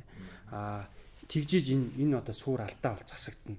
Шаар тэгжиж одоо бид нэр социализмынхаа одоо тэр дурсгалуудыг авч үлдэнэ гэдэг ч юм уу те. А тэгхгүйгээр яг үхээр энэ үйл явц үргэлжлэл явах юм бол угаасаа хэдэн жилийн дараа бол тэр шинэ нь бол хуучнаа одоо тэр идэ идэ буулгаатай устгаад ингээд дуусна. Энэ бол ус ойлгомжтой. Бүр магадгүй бүр тэр Blue Sky ч юм уу те барилгын тордчлаа башлаа. Тэр өндөр барилгуудыг хүртэл буулгах асуудал ер нь ирээдүйд яригдчих болно шүү дээ те. Энэ чухал байсан юм байна. Одоо буцаад renovation хийнэ. Ийм асуудал хүртэл байна. Яг энэ дэр бол одоо бид нэр товчхон ер нь дуурж байгаа нь одоо ёс зүй талаасаа энэ маш чухал шүү гэдэг мессежийг хүргэх бас зоригтой яваад байна гэсэн. Оо юу ярьчлаа мартчихлаа. Окей би асуусан. Ингэсэн юм бод байхгүй. Одоо жишээ нь тэр урт цагаан те одоо ихтлгүүр тэр хотын төвөгээд эдрийг бид нар яагаад авч үлдэх нь хэрэгтэй вэ гэхлээр яг тэр тухайн цаг үед амьдарч исэн тэр хүмүүсийн одоо илэрхийл хүмүүсийг ингээд дурсамж бид нар ингээд дурсаж явах Тэ тэр цаг үеийн хүмүүсийн илэрхийлэмж واخгүй юу? Тэр цаг үеийн хүмүүс бэжж тэр тухайн цаг үеийн барилгууд баригдаж байгаа. Тэнгүүтээ одоо лавсруугаа бас хэлсэн бид шүү дээ. Уламжлалгүй шинжилгээг бол шинжил гэж хэлэхгүй гэ тэ. Одоо жишээ нь бид нар ингээд одоо машин дээр ингээд аваад үзэгүүд Ford гэдэг Ford ингээд машинаар ингээд дээр үе машин байгаа шүү дээ. Тэд чинь ингээд хуучны загвараас ингээд шинжлэгдэд дээшээ ингэж гарч хөгжиж явсан болоод одоо одоо ингээд амжилтанд хүрж байгаа байгаад байгаа байхгүй юу? Тэгсэн чинь бид нар болохоор тэр нэг уламжил гэдэг ямиг тас зөхиод гаднаас ингээд хуулбарлаж авчираад ингээд ингээд бариад ингээд завааруулаад байгаа байхгүй. Тэгхгүйгээр тэр нэг уламжил дээрээ суурлаад ингээд шинжилээд явах юм бол яг бидний өөрсдийн гэсэн ийм онцлог тий өөрсдийн гэсэн хот өөрсдийн ингээд яг одоо бид чинь ингээд яг э, юугаар ярих юм бол бус орны хүмүүсээс жоохон өөр сэтгүүтэй тий тийм хүмүүс яг тэр хүмүүсийн хот болох хэрэгтэй байхгүй юу тэгсэн чинь одоо бид нар ингээд жоохон сүтгэл сүтгэл одоо санитар яг нэг тэр юм өөр л байгаа. Тэгээ бас нэг юм ярих гэдэг байна. За жоохон байж марчлаа. Окей. Мөгд нэр. А тэр соёл гэдэг яг тэр одоо чи манад юм болгонд харахаар үн цэнтэй байх шиг байна л да бид ер нь бол ингээ харахаар. Жишээ нь одоо энэ дэр гэр сууршлууд байгаад байгаа байхгүй. Тэгээ гэр сууршил бас нэг талаараа бол одоо бас зарим хэсгийг бас хадгалж үлдээх шаардлагатай байх шиг байна л. Яг гэр сууршил одоо манай хотын бохирдын нэлээд том асуудал болчиход шүү дээ. Нэг бол ерөөс байхгүй болгож нэр байна. А гэтэл энд ч одоо бас нөгөө номадик хэлбэрийн тийм а юу яваад тах шиг байна л да. Соёл хадгалагдсан байна тийм жишээ нь одоо гэрдэг ярээ боочтой. Тэгээд тэр гэр нь одоо бас нэг тийм сууцныхаа нэлээд том юу болцсон байна тийм. Тэгээ энэ нөрөө цаана ямар асуудал хөндөгдөж байна гэхээр одоо бэлчээрийн мал аж ахуйтай байсан одоо нөхдүүд хот руу шилжчихээр шал өөр соёл хэрэгжлөөр шилжиж байна л да. Тэгэхээр энэ нэрвээ бас тэр тэр нөгөө нэг өмнө бэлчээрийн мал аж ахуйн соёлын тэр асуудал дээр бас бид нэр хот төлөвлөлтийн өнцгөөс ч юм уу амьдрах одоо ахын асуудлаас анхаарахгүй бол эргээд бид нар бас нүүдэлчтэй хүртэл бас алдах бас юм асуудал үүсэж байгаа гэдэг бас өнцөг. А нөгөө талаараас имиж гэдэг утгаар бас гэр орол бас сонин характертай газар байхгүй. Дэлхийн өөр хаанч баг ийм ийм альбан бус ийм өөрөөсөө бий бас болгочихсон юм суурьшил бас байдгүй те. Энийг бас нэг өнцгөрөө хадгалж үлээ ялангуяа тэр амгаланг ч юм уу те? Ганланг яг тэр яг тэр нэг суурьшлаар нь. Одоо тэнд бол нэг газартай хүн бол дураараа өндөр барилга барьж болж шít тэр мэрийг сайхан журмлаа те? Тэгээ тэр гадна хашааныхан тэр тогшил мохчол тэгээ тэр нэг дид бүтцийг нь орчин үеийн шийдлэр ажиллах. Үүн бол асуудал байхгүй юм л да хөрөнгө мөнгөний асуудал те? Энэ дэр бол тэр нэг яг тэр нэг гол архитектурын характерын асуудал бас авч үлдэх юм юм бас байх шиг байна. Саний өнгөлнөх төр нэмэд ярихад бол жишээ нь Малайзад явж байхад нэг дээр үед өмнө нь мафийн эхний гэр бүл байсан гэдэг нэг барилга байхгүй юу? Бүх одоо аяг шанах бүх юм мөнгөн идэл тэр чихтэй. Тэгээд тэр мөнгнүүд нь байж л байгаа. Тэгээд яг тухайн үед нөгөө хар тамхин тэр татдаг бас нөгөө юу усан тамхи шиг тэгээд усаар шүүгээд ингээ хар тамхи татдаг шүү дээ. Тэр нь бүр шаазын идэлүүд нь бараг 100 гарсан 200 ширхэг яг тийм зүг зөвхөн усан тийм ганснууд байгаа байхгүй? Тэгээд тэр барилгыг тэр чигт нь аваад үлдээд бүр ЮНЕСКОгийн өвд бүртгүүлсэн. Тэгээд тэр нь нэг газар байгаа. Бид нар явж байгаа дахиад нэг өөр годомжинд очих. Тэгээ нэх амар өмхөн юмштэй нэг газар очих. Ингээл яваад байхгүй. Энэ эргээд бидний өнөөдөр ингээ яриа суугаад байгаа энэ юм бол эргээд бас юугаа аль жуулчлалтаа бас дэм үзүүлнэ. Тийм тэгэхээр яг үгүй зүгээр мафийнхны одоо амьдарч байсан байшин гавчаад ЮНЕСКОд бүртгүүлсэн. Би бас бодоод байгаа жоохоо. Тэр мафийнхны үр сад хөөцөлж жагаад бас дэлхийн хамгаалтанд оруулсан юм болов ч гэж бодох шиг те. Тэгэхээр тиймэрхүү байдлаараас хамгаалж болж байгаа юм л да. А миний асуух байгаа асуулт юу гэхээр та нэг баг болцсон байна. Яг адилхан нийгэм хийдэг бүгд адилхан одоо юу гэдгийг одоо хоолоор бол бүгд адилхан төмөс арилгадаг хүмүүс нэг баг болчулаад төмсний новчноос өөр гарахгүй дээ. Тэгэхээр нэг таанц нэг өөрийн өөрийн гэсэн чаддаг нэг нөгөөгөө нөхдөг нэг арга барил байгаа. Дэрийг за яхаа сая нөгөө нэг очир төгч маань хэлсэн тэр нөгөө нэг 10 хэд хүн байна гэдэг. Яг тийм Тэгээд 10 хэд бай архитектор 10 хэдэн төмөснөөс сууж байгаа байхгүй. Тэгээд яг энэ дэр бол нөгөө яг сая архитектурын ухаан гэдэг ингээд үзэх юм бол дотроо маш олон салбар чиглэлүүд одоо гарч болно.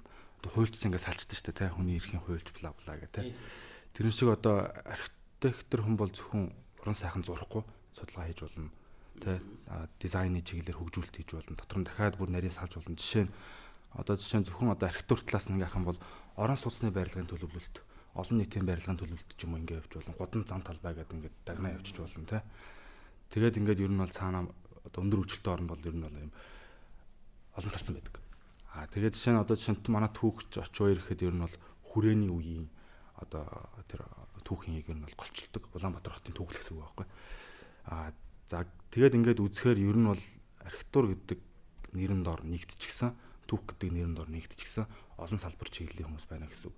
Чи манай багт ямар ямар хүмүүс байна гэхээр а хотын тийм бодлого гэх юм уу уран полиси судалдаг хүмүүс байна. Хүүхд хотын дотод зориулсан хүүхдийн орчин судалдаг юм хүмүүс байна.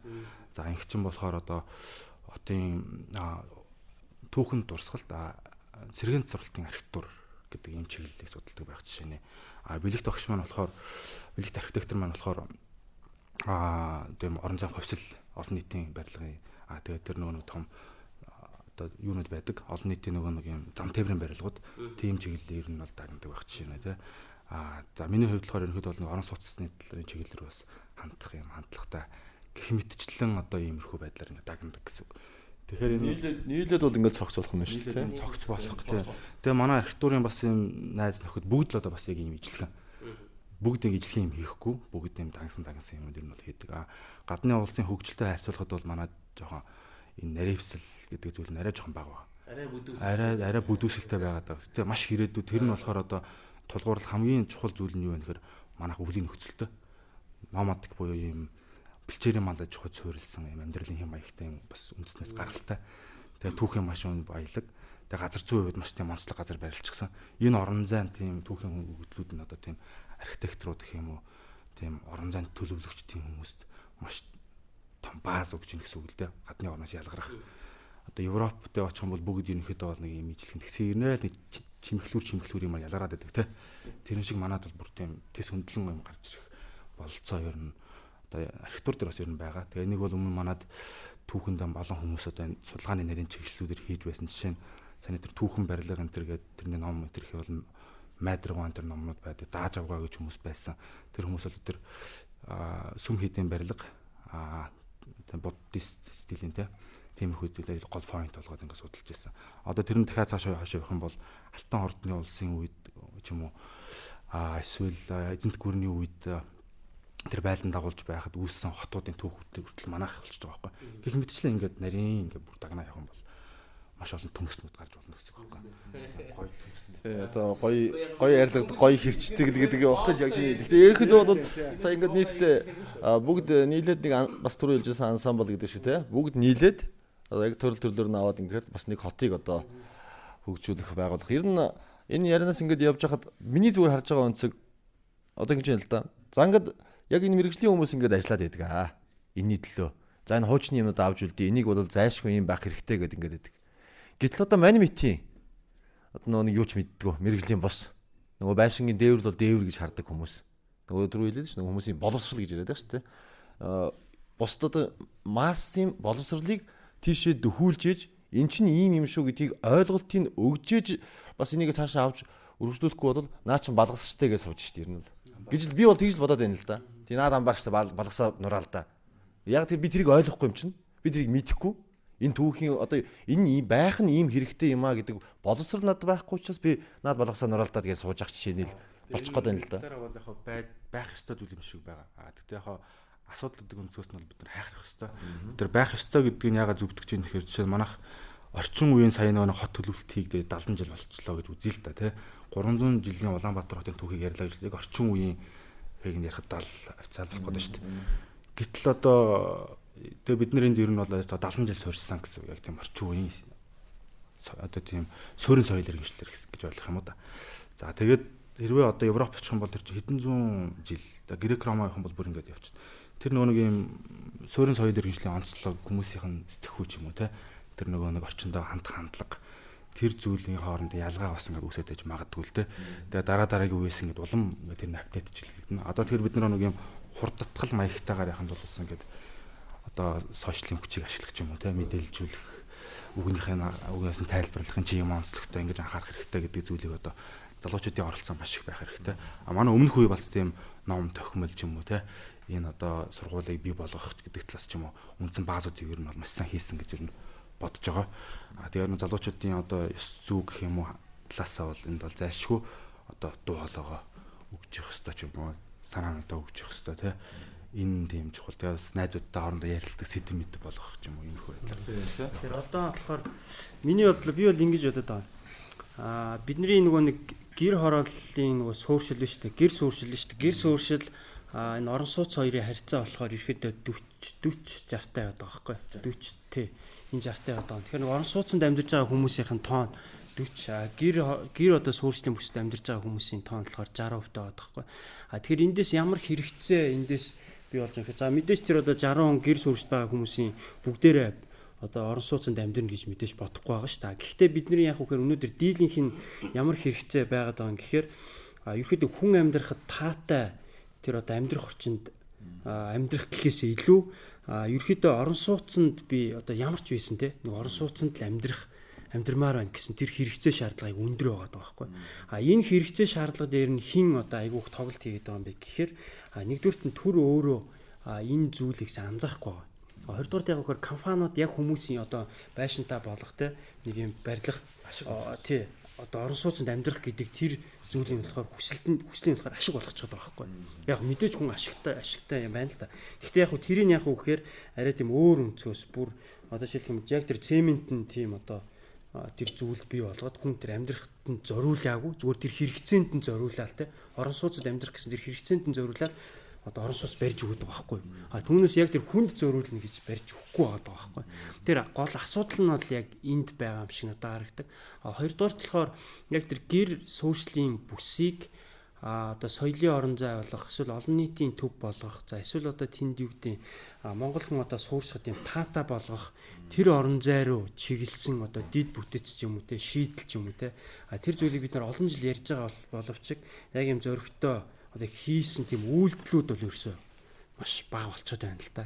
А тэр ч одоо яг ингээд гэр хороолд ингэ сайхан амьдарч болно гэх тэр орон зайг те бий болгож чадах юм бол тэр бол боломжтой болчтой. Тэгээ энэ яг эцээ эцтэй яг юун дээр тулж очиод байгаа юм бэхээр за окей архитектор ч юм уу хотл окей ингээ төлөлтийг бол ингээ хийчдэг байхгүй.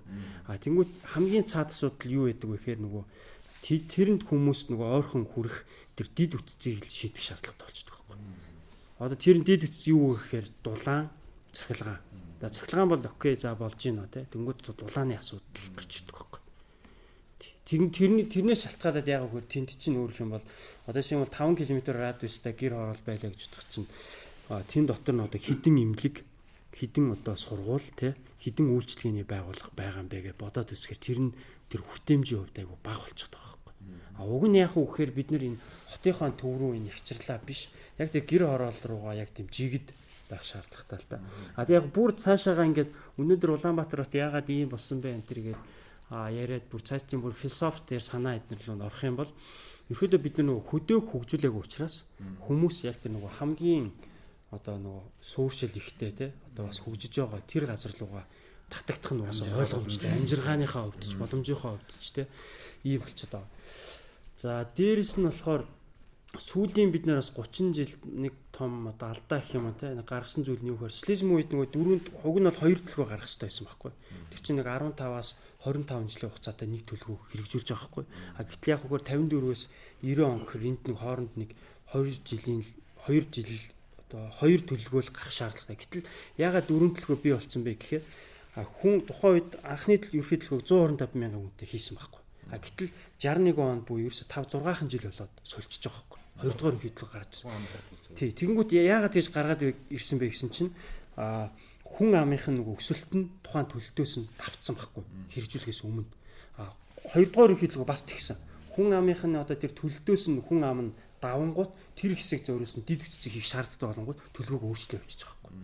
А гэтэл 2002 оноос 5 дахь хэлгөө монголчууд өөрсдөө хийгээд а одоо өөрсдөө хийсэн чи яасан гэхээр тэр тэр зүйлээ бид нэр хийж чадахгүй. Хүн ам өслөө дид үтцэнд яг хിവэр. Хүн ам өслөө дид утас яг хിവэр болчиход байгаа. А тэнгууд яг хөр нөгөө төгжрөл одоо энэ хүмүүсийн нягчрал буюу төгжрэл бас юм бий болох нөхцөл чинь яг энд энд бий болчих. Дид үтсэнд хэлэхгүй хүн ам нь өсөд байхаар чинь энэ зайлшгүй ерөөсөө тэр нөгөө төгжрэл юм уу эсвэл энэ замбраагүй ч юм уу те энэ зүйл нь бий болчих юм л да. Тэгэхээр энийг засах ерөөсөө яг арга нь угаасаа тодорхой байхгүй. Өөрөөр хэлбэл бид энийг юунаас болоод байгаа юм бэ гэдгийг мэдчихээн. А юунаас болоод байгаа гэдгийг мэдчихэж байгаа юм чинь энэ зүйлээ засах шаардлагатай. Тэгэхээр одоо бид нэр яг энэ зүйлээ засах талаар огт ярихгүй байхгүй давхар зам тавина гэж яриад байна. Дээрс нь яг уу гэхээр одоо нөгөө дүүжин гүүр мөртэй эднэрээр хизэж засагдахгүй. Энэ бол тий суур асуудал жоохон гой гой юм яриад байгаа юм шүү.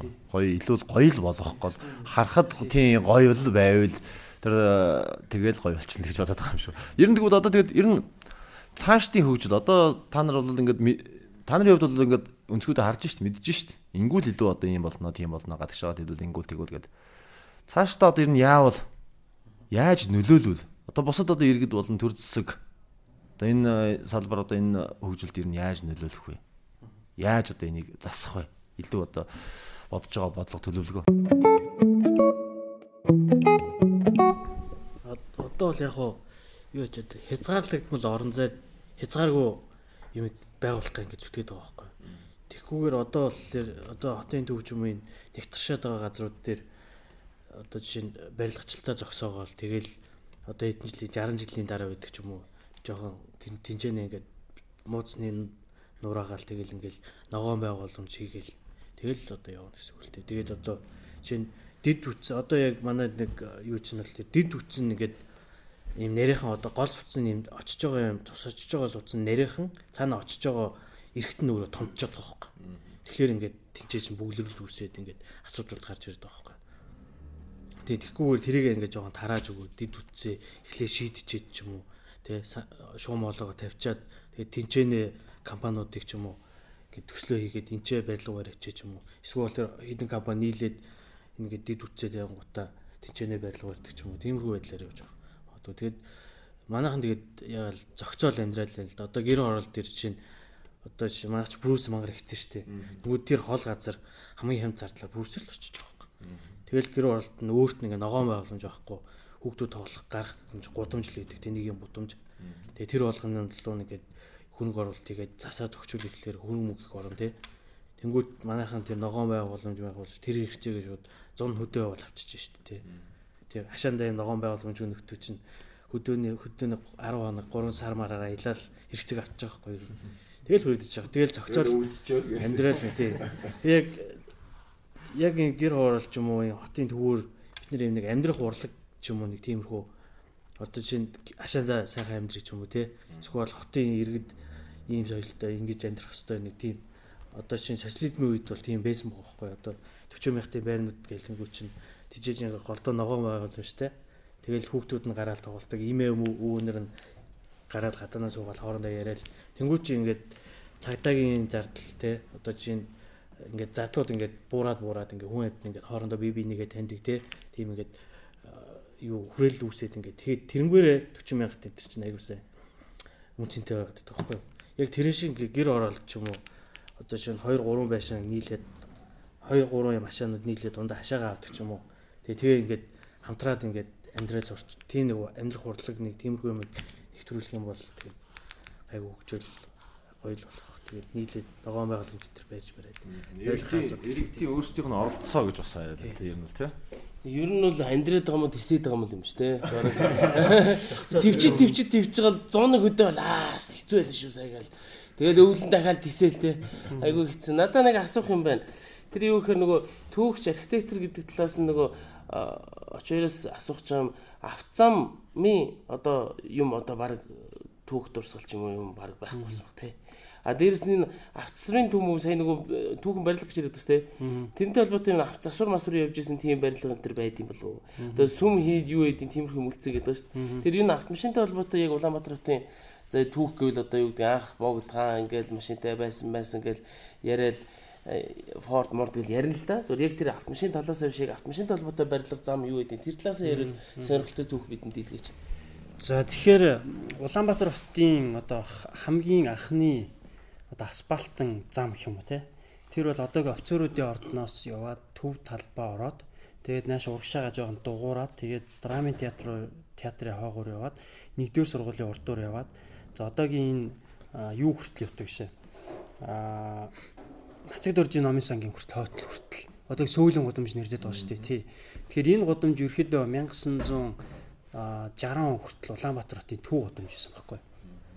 За тэгэнгүүт яасан гэхээр 60 онд 58-аас 61 онд Улаанбаатар хотын одоо анхны орон сууцны хорооллыг барих явцдаа одоогийн төв талбаагаас төв шуудангийн урд ингээ нэвт зам гаргаад дөрүн зам одоо баруун дөрүн зам хүртэл ингээ нэвт шулуун болгоод энийг анх таймны өрөмжтэй гэж нэрлсэн. Хуучин болохоор энэ юу исэн бэ гэхээр а одоо энэ нөгөө суулийн гудамж болон тэр талбай уртлын тэр офицер өвдөг замыг бол хувьсгалын зам гэдэг гэсэн баггүй. Тэгээ 51 онд энэ хувьсгалын замыг бол Сталины гудамж гэж нэрлээд тэгэнгүүт 61 онд 61 онд яасан гэхээр энэ дундуур нь төв гудамж гарангуй 60 онд тийм гарангуудаа инх тайвны өргөнчлөө гэж нэрлээд хуучин тэр тасраад үлдсэн одоо энэ сүүлийн гудамж чинь Сталины гудамж нэрээр тэр чигтээ үлдсэн баггүй. Тий. Тэгээд яг хөөхөр одоогийн энэ сүүлийн гудамж бол Улаанбаатар хотын хамгийн анхны мэдээж асфальтын замтай. За дараа нь болохоор анхны гэрэлтүүлэхтэй анхны одоо мод тарьсан гэдэг ч юм те. Машин түүхтэй годомжихгүй энэ түүх годомж байсан те. За ийм ба. За дараа нь болохоор тэр нэг засвар гэдэг жаа. Тэгэхээр Монголд бол анх 1924 үлээ 26 үлээ. Анхны тех гэж байгуулсан. Улсын тех гэдэг. Тех нэвтрүүлэх газарчлаа. Тий 26 он баха. Тий тэгээ тэрнээс эхлээд ерөөдөө тий тэрнээс эхлээд нөгөө нэг автомашин гэдэг юм ойлголцсон бий болж байгаа хгүй улсын ерөөдөө тийм институт байгуулагч гэсэн үг байхгүй. А тэгэнгүүт яасан гэхээр 1929 онд Монгол зөвлөлтийн одоо Монгол транс гэдэг нэртэй нийгэмлэг байгуулагдсан. Монгол зөвлөлтөд хөв нийлүүлсэн Монгол транс гэдэг. А энэ нь яадаг юм бэ гэхээр хамгийн эхлээд эдний хийсэн ажил бол ерөөсөө Улаанбаатар хотод хамгийн анхны автобус үйлчлэгийг бий болгосон байхгүй. Нийтийн твэр үйлчлэгийг. Тэгээ тэр нь Амгалангаас Улаанбаатар хотын хооронд 10 зогсох газартай 3 автобустай, хоёр нь байнгын явдаг, нэг нь одоо тэр одоо юу гэдэг аа тий. Одоо тийм ээлжийн байдалтай замент те ингэж одоо сэлгээ тий сэлгээнд ингэж явдаг ийм байсан ба. Тэгээ тухайн үеийн одоо яг тэр бичиг эднэр уншихаар маш сонирхолтой зүйл нь юу гэхээр Монгол ерөөд яг автомашин гэдэг үг яг ингэж орж ирээгүйсэн ба. Эсвэл одоо орж ирсэн ч гэсэн нийтийн хэрэглээ болоогүй. Тухайн үед тий бүх автомашиныг юу гэж нэрлэдэг байсан бэ гэхээр уурын тэр гэж нэрлэдэг байсан байхгүй бүр тэр хорлын тэмдэглэлтэй бүр анх эхлээ бид нар уншаад гайхаад байсан. Уурын тэр кредитнэр одоо гал тэргийг шал өөр ойлгох тий. А тэгээ яваад байсан чинь ингээд архивын баримтад үзээд байсан чинь тэр нь автомашин болж таарч байгаа хгүй. Тэр тухайн үед бол яг үхээр улсын тэр албан бичиг мэж тэр бүх юм дээр яг үхээр одоо тэр автомашин автобус тий бүгдийн уурын тэр гэх. Тэгээ бүр уурын тэрэг нь хороо гэж байгуулсан. А тэр нь яг үхээр өнөөдрийн одоо Улаанбаатар хотын одоо нийслэлийн нийтийн тээврийн газар ч юм эсвэл авто тээврийн газар ч юм те энэний үүсэл болж таарч байгаа хгүй. А тэгэнгүүт Монгол транс байгуулагдангууд анх удаага бид нөгөө жолооны багш нарыг бэлтгээд а дээр нь болохоор анх удаага бид нөгөө сая асуусан гараж автогараж нарыг бий болгож байгаа хгүй. А тэгээ одоо автогаражийн байр байгаа дээ анхны. Одоо тэр нөгөө тэр нөгөө юу а одоо тэр жокийн урд байдیں۔ да нэг цагаан биш. Хуучин нөгөө нэг автобазын гэж байсан да. Нэг юм байшин байт юм а. Цагаан байшин. Одоо юу? Одоо тэр чинь тэр чинь нэг байгууллага худалдаа авцсан.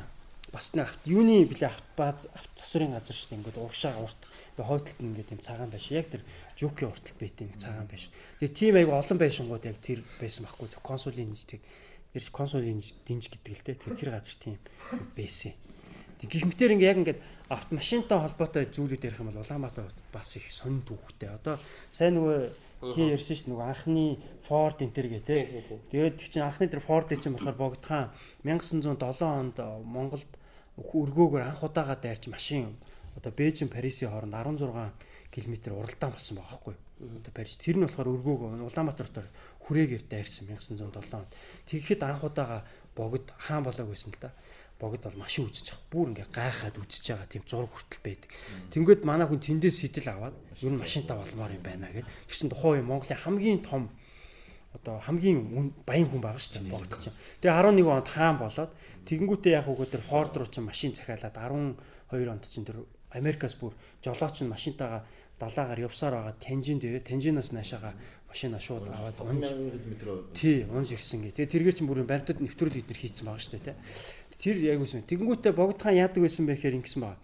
Машина авчраад яг мэдээж тодорхой хэмжээнд ундаг байсан. А тэгэнгүүт аккумуляторыг ингээд төмөр утсандаас холбочхоод ордныхоо үүдэнд тэгээд ингээд ноёдууд ч юм уу хүн ороод ингүүт нөгөө төмөр утснаас барингууд тог цогтөг. Тэнгүүт нь тэрийг хараад энийг сууждаг гэсэн гэж байхгүй. 12-оор зохиолоод шүү дээ. Тий, 12-оор хөөрхөн байгаа байхгүй. Тэгээ тийм айгуу тийм алиан агшин тийм хүн байсан гэж тоо. Бүржүүлчтийн тэр Монгол мөн Ларсон гэдэг хүний тэмдэглэлт байдаг л да.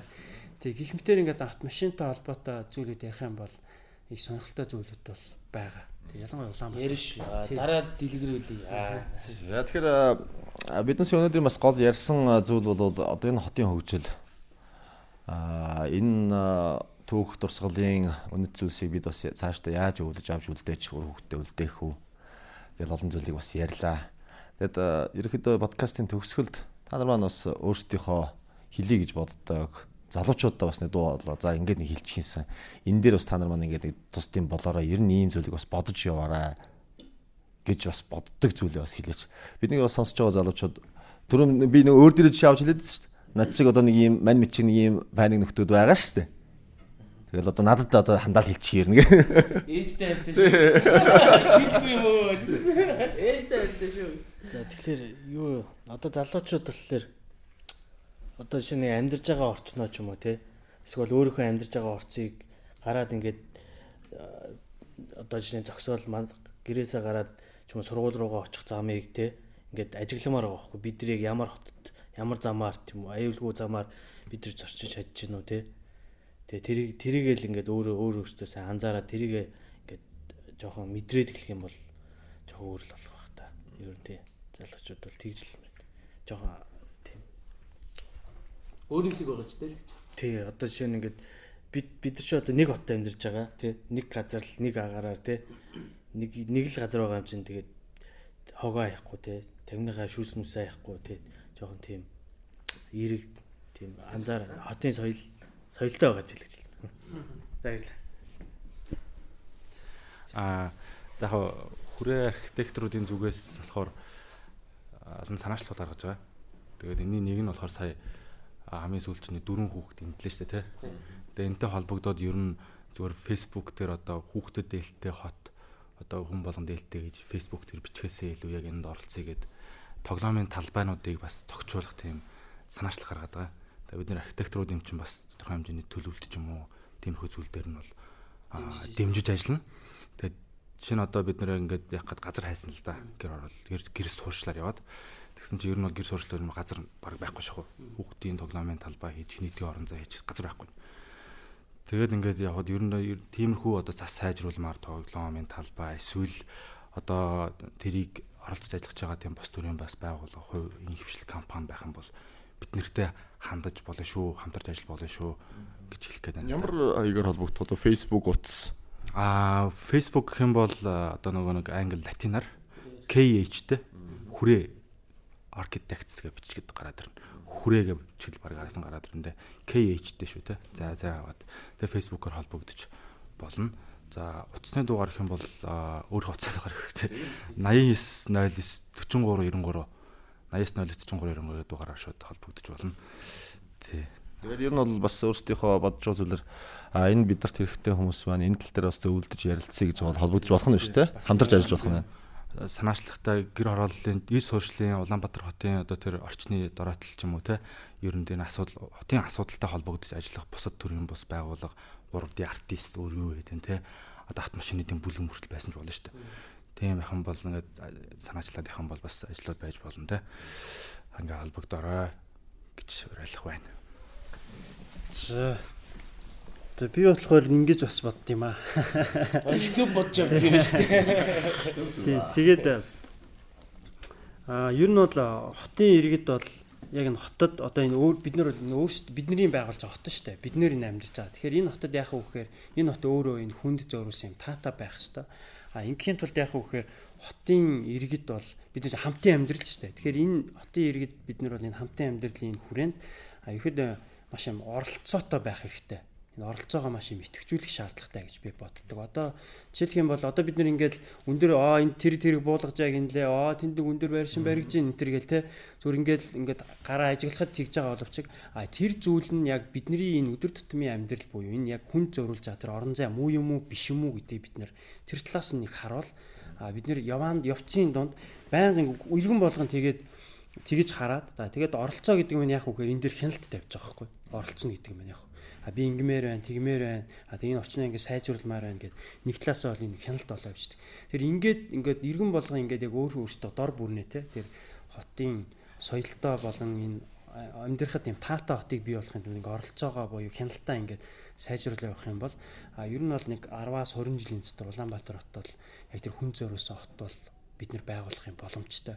Тэгэхээр одоо болохоор бид нэр яг тэр хүнд зөөрүүлэх гэхээсээ илүү өөр замаар яваад байхгүй. Тэг хүнд биш. Ийм ашигын төлөө энэ Улаанбаатар хотыг ашиглаж байгаа хідэн темп хүмүүс бол ийм мөнгө олчихсан гэсэн иймэрхүү ийм хүнд биш автомашин ч юм уу, барилга байсан ч юм уу те ийм хотыг байгуулдаг. За дараа нь болохоор яах вэ гэхээр энэ одоо Улаанбаатар хотоос бид нэр өөрсдөө үнэртэх хэрэгтэй байхгүй. Тий тэр нь юу гэсэн утгатай юм бэ гэхээр өнөөдөр ингээл гудамжаар ч юм уу эсвэл ингээл отоор ингээл явхад бол яг бидний өөрсдийн тэр ID ч юм уу те эсвэл бидний өөрсдөө өөрсдийн юм тэнд байх хэрэгтэй байхгүй. Гэтэл одоо ингээл Улаанбаатар хотоор ингээл явах чинь те хотын ингээл одоо хамгийн гоё гэсэн гудамжууд дээр явах чинь бидний юм байхгүй байхгүй. Үнэт зүйл. Одоо 50 жилийн дараа их чинь тэднийг яг ингээл соёлын өвөр ч юм уу те эсвэл юм гоё орон зайгаар бүртгээд авах тийм байхгүй байхгүй. Тэр яг үхээр энэ бол яг нэлээд тийм мэрэгжлийн шатны одоо шаардлага ч юм уу тийм хүсэл болчихж байгаа юм л да. Тэр яг үхээр цаашид ер нь бол Улаанбаатар хотыг бид нэр хүнд зориулсан ийм Монгол улсын нийслэлтэй ийм хотоор байлгахыг гэж бодож л байгаа бол яг тэр үндснийхаа тэр онцлог хэв шинжийг өнөөдрийнхөө тэр орчин үеийн тэр шийдэлтэй хамтд нь энэ зүйлийг шингээж архитектурт нь орон зайд нь барилгад нь чимэглэлт нь тэр нийтийн талбай тэр урлагт нь тэр бүх зүйлээ шингээж шаардлагатай баг. Тэгжиж явах хөөр Монгол улсын нийслэл Улаанбаатар ороод ир тэ өө эн чинь өөрийн гэсэн онцлогтой тэ өөрийн гэсэн үнэртэй өөрийн гэсэн амттай ийм хот баймаар байгаа хгүй. Тэгвэл одоо нэгэн хэвийн ийм шилэн барилга хийж гэр чинь чинь бол тийм уучртай болчих юм л да. Одоо жуулч дээр ч гэсэн үзэх юм байхгүй. Ерөөсөө одоо үзүүлэг гэвэл хөдөө үзүүлнэ, наадам үзүүлнэ. Тэгээ хот дотор очиод яг дүүхэд урсгал тэгэхээр бас үзүүлэх юм бол ховор хэцүү л болчиход ш тэ. Уулын замаар дахиулж байгаа л тэрэлж оруулчаал буцаж авчиж усанд оруулчаал тэгэл онгоцонд нь солгаал. 80 км нүдж байгаа нэг чулуун араас өөсөс тэ. Аа нөө мэлхий хаад гэдэг шиг үү тий. Юуных мэлхий байдаг наа чи өөрөө байхгүй наа. За тэгээд Тэгэхээр төрөөхин мөхөрд маань хэлсэн гэр оролын суурьшлийн одоо гэр суурьшлийн бус гэж яриад байгаа тий. Аа тэгэхээр бүгний ялгаа. Тий уучлаарай. Гэр суурьшлийн бус гэж яриад байгаа. Тэгэхээр энэ бүст яг зөв санаачлаг гаргасан. Тэгээд өмнө бид нар ярьсан өнөөдөр бид подкаст одоо энэ бичлэгийн сацуу яг манай навд бас хүүхдийн тоглоом байгуулчихаар зай талбай юу байна тэрэн дээр хийх зураг төслийн ажил юу байна гэдэг тэр талаараас уулзах гад өнөөдөр бид цуглдсан байгаа. Тэгэхээр подкастын төгсгөлд бид нар гараад талбай дээр үзэн бид ч гэсэн яг энэ чиглэлд хамтарч ажиллах гад байж байгаа ямар ч үс тэгээд хийж бүтээснийхэн дараа бас үзүүлнэ. Гэхдээ яг нөгөө хүүхдүүдэд сайн юм үзүүллээ. Бид нар инглээ шүү. Ийм мөнгө гаргалаа гэж өөрсдөө рекламж байгаа юм биш. Бусдыгаа яг уриалж байгаа шүү. Бид ч гэсэн юм хийж ин таад ч гэсэн бас хийгээрээ тэгвэл тэр хүүхдүүд тэр хол яваад тэгээд интэхгүй байсан шүү л гэсэн санаа юм байгаа. Тий. Тэгэхээр бүгдээрээ хамтдаа хотоо гоё уулгая. одоо саяны хэлсэн шиг те яг хуушны бүхэл зүйлийг одоо цогцлоосон энэ сайхан хоттой байханд бол хүн болгон бас хичээцгээл гэж бас уриалъя. Тэгээ би бол бас нэг зүйлийг бодож ойлголоо. Зүгээр нэг машингийн дээврийг дээврийг харах биш тэр байгаа чимэглэлийг зүгээр нэг чимгэлцсэн байх гэж харах биш. Манай залуучууд иргэд өөрсдөө а энийг ингэж хийсэн юм байна. Ийм учиртай юм байна. Энэ энэ хээг яагаад энд байрлуус, яагаад дээр нь байрлуус, яагаад доор нь байрлуулаагүй юм чи гэдэг юм те. Бүх юмний бас наан цаана учир нь бас ухаж ойлгодог болосоо гэж бас хэлмээр байна. Тэгээд сайхан хоттой болох ирээдүг бүтээнэ л гэж бодчих штэ те. Аа тийм. Тэгээд ярилцлаганда ингээд урьж оролцсон биднийг урьж оролцсонд баярлаа. Аа тэгээд цаашдаа бас ингээд түүхтэй холбоотой, хотын шийдэлтэй холбоотой олон үйл ажиллагаануудыг зохион байгуулна. Тэгээд та бүхэн бас бидэртээ нэг дээрээ залуучууд байвал оролцоогоороо бас тэ. Тэгээд энэ сая хэлдэг бол тэр явж явж бид нар бол цаана үнцэнтэй тийм хотын одоо тийм шийдлийг эсвэл тэрийг бүтээх ер нь оролцож байгаа гэсэн үг шүү дээ. Сая очиорын хэлдэг тэ.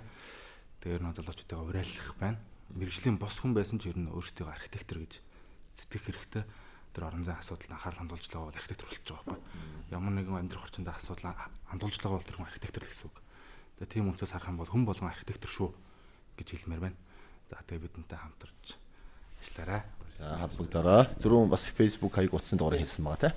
Тэгэхээр нөгөө очиртоос юу яхад дараа энэ автомашины яг Улаанбаатар хотод холбоотой түүхийн талаар ярилцвал цаг зав гаргаад зөмөрөө уулз товлоод хийвэл боломжтой байх гэж бодчих тий. Окей. Хол харж хол явна.